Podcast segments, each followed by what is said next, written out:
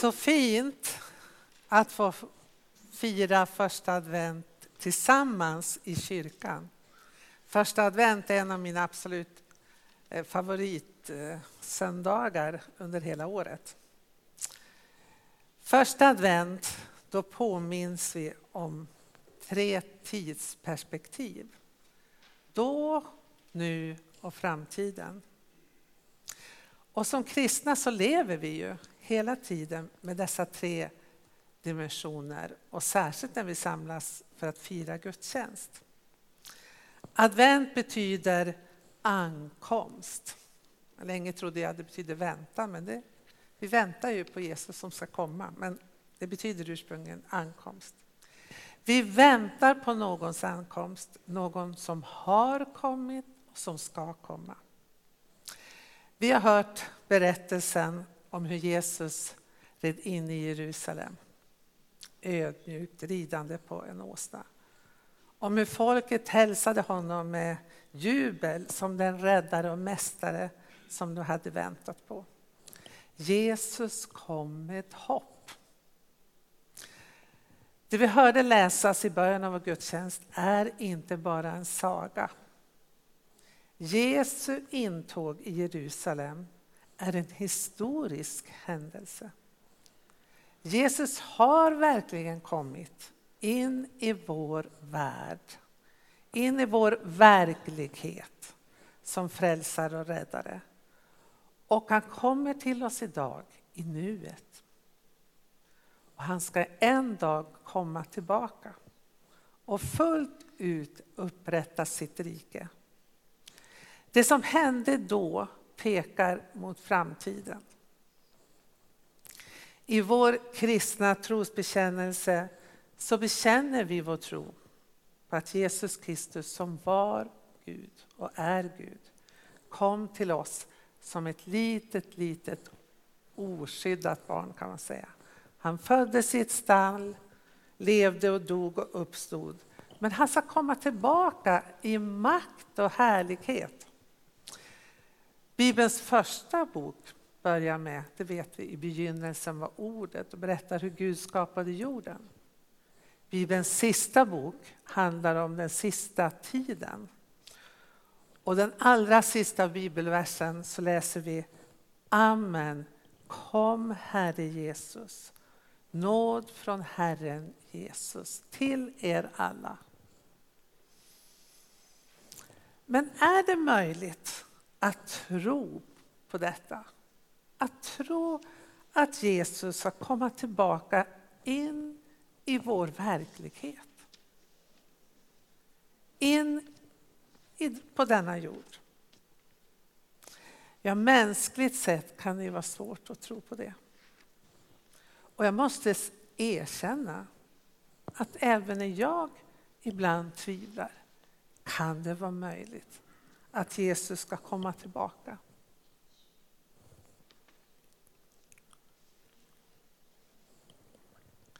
Men lika sant som det är att Jesus en gång kom som ett litet barn, lika sant är det att han ska komma tillbaka i makt och härlighet. Och även om jag tvivlar ibland så vill jag stämma in med hela den kristna kyrkan och tillsammans ropa med dem. Amen, kom Herre Jesus. Miljoner och åter miljoner har levt och till och med varit beredda att dö för denna tro och detta hopp i över 2000 år. Och idag samlas miljoner kristna runt hela vår jord. En del har redan börjat fira gudstjänst, en del har redan firat den för några timmar sedan. Och hela det här dygnet kommer att firas gudstjänst och man kommer att ropa och sjunga Hosianna. Ganska häftigt egentligen. Men det allra finaste är att många är beredda att gå till kyrkan med fara för sitt eget liv. Jag läste i en bok här för ett tag sedan att det man är beredd att dö för, det är verkligen någonting som man tror på.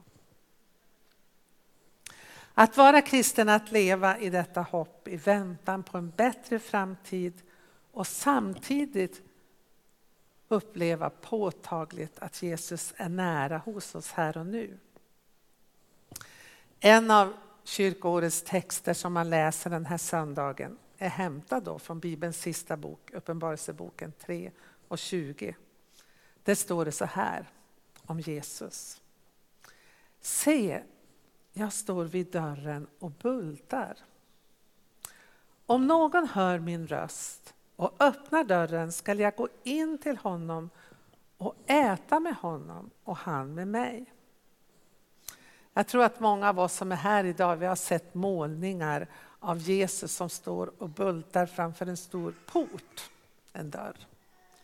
Men dörren som denna text handlar om är inte en fysisk dörr utan är vårt eget inre, vårt hjärtas dörr. Idag, år 2021, knackar Jesus på din, ditt hjärtas dörr. Han vill komma till oss var och en personligt. Och han erbjuder oss en varm och innerlig gemenskap som Uppenbarelseboken då så väldigt typiskt talar om en måltid. Han erbjuder oss en nära och innerlig gemenskap. Men han slår inte in dörren. Han tvingar sig inte in. Någon har sagt så här att Jesus är en gentleman, eller vad är. Han knackar sakta på din dörr. Och han väntar på ditt gensvar. Jesus vill komma till oss idag om vår tro är stark eller om vår tro är svag som en tynande veke. Han vill dela ditt liv med dig. Oavsett om du upplever att du har ett bra liv, att det är helt på olika sätt. Eller om du lever i ett liv med smärta, trasighet, ja kanske till och med skam eftersom du bär på en hemlighet som du inte vill att någon ska känna till. Och jag skulle vilja att du som sitter här idag tänker efter. Hur ser ditt liv ut just nu? Hur mår du? Vad är det du brottas med? Kan det vara någonting som du känns för? Just i detta som du upplever som ditt liv vill Jesus komma till dig idag. Med sin kärlek och med sitt helande. I en av våra sånger i vår psalmbok, psalm 38, där står det så här. Jesus från Nasaret går här fram, en som i gången tid. Lyssna löser ur vanmakt, ur synd och skam, ger oss kraft och frid. Himmelriket är nära. Och i tredje versen kommer uppmaningen. Öppna ditt hjärta i bön och bot. Upplåt vart hemligt rum.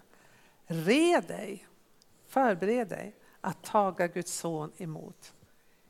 Tro evangelium.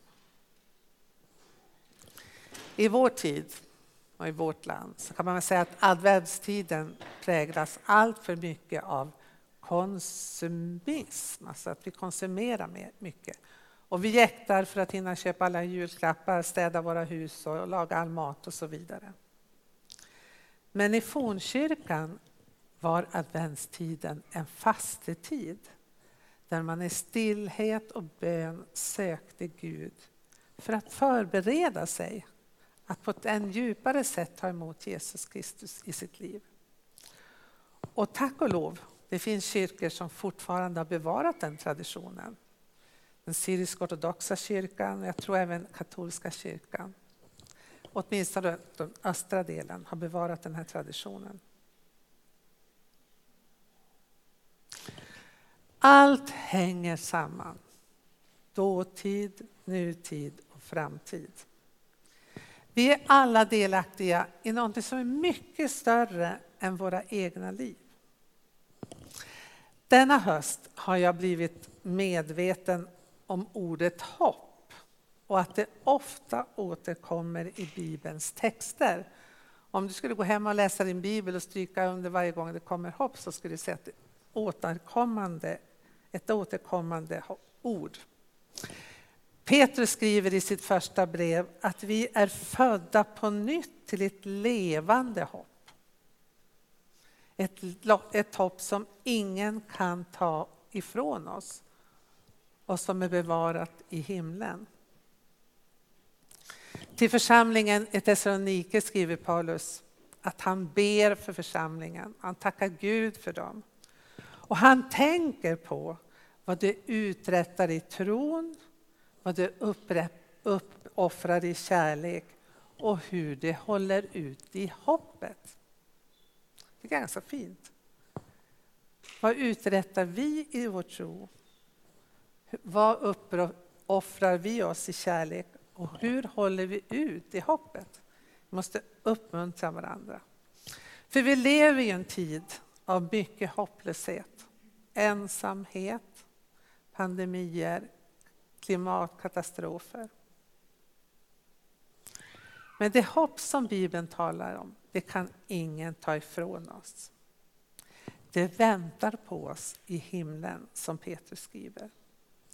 Det är ett hopp som sträcker sig bortom den här tillvaron, in i evigheten, in i det oändliga, där Guds kärlek kommer att möta oss på alla områden och trösta oss och torka våra tårar och möta vår djupaste kärlekstörst. Men det fantastiska är det att vi lever inte, jag säger det igen, bara vi samlas inte här bara för att tänka på någonting som har hänt för 2000 år sedan. Inte ens för att tänka på vad som kommer, utan också för att ta emot Jesu kärlek här och nu. Han kommer till oss redan nu. Och den ensamhet som du kanske upplever. På ett sätt tror jag att vi alla om inte alltid, men nu och då, kan känna att vi är ensamma existentiellt sett.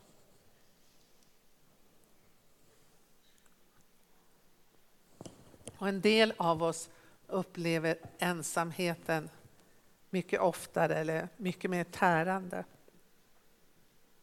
Min egen erfarenhet är att den enda som verkligen kan möta vår djupaste längtan efter gemenskap och som kan fylla det här behovet när vi känner oss ensam, det är Jesus Kristus. Och det kan han göra nu.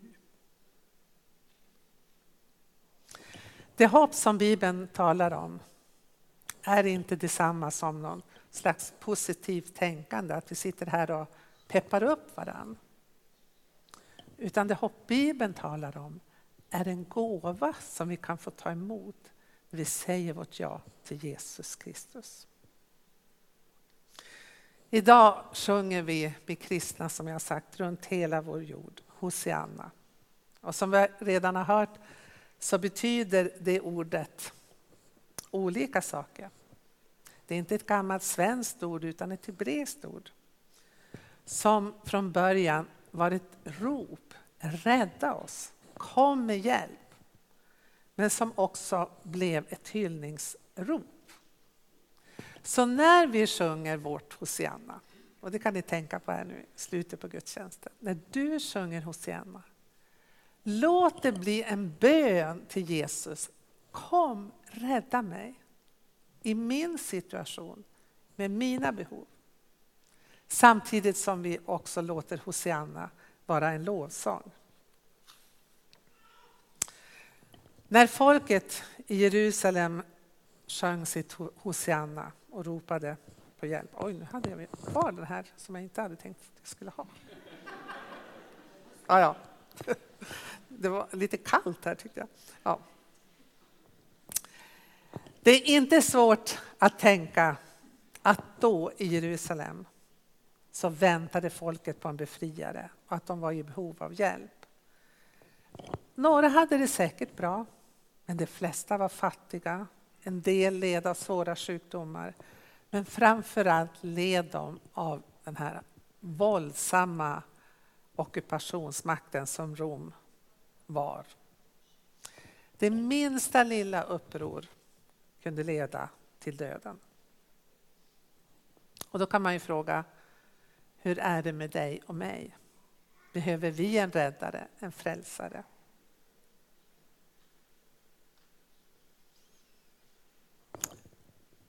Ja, vi kan inte själva befria oss från hopplöshet, ensamhet, rädsla för framtiden. Men vi kan ta emot hoppet som Bibeln berättar om, som alla sånger som vi sjunger idag berättar om. Och vi kan ropa ut vårt Hosianna, Herre kom och hjälp mig. Den enda som är värd att hyllas och tillbes är Jesus från Nasaret. Som red in i Jerusalem och som villigt gav sitt liv för oss. Som delade människans lidande in i det allra mörkaste under tortyr och korsfästelse.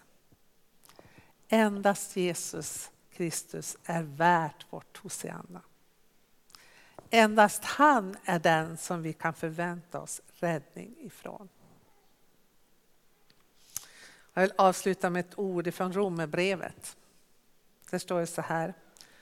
Må hoppets Gud, jag har inte lagt märke till det här uttrycket förut. Må hoppets Gud fylla er tro med all glädje och frid och ge er ett allt rikare hopp genom den helige Andens kraft. Vi ber. Herre, tack för att du ser oss, inte bara som en massa, utan du ser oss var och en som individer, som personer som du bryr dig om. Tack för att du ser hur vi har det i våra liv just nu. Och tack för att du en gång kom och tack för att du vill komma till oss idag och möta med oss som räddare, hjälpare, befriare. Och tack för att du en dag ska komma tillbaka till denna jord, in i vår verklighet som befriare och räddare för oss och hela skapelsen. Jag tackar dig för det. I Jesu namn. Amen.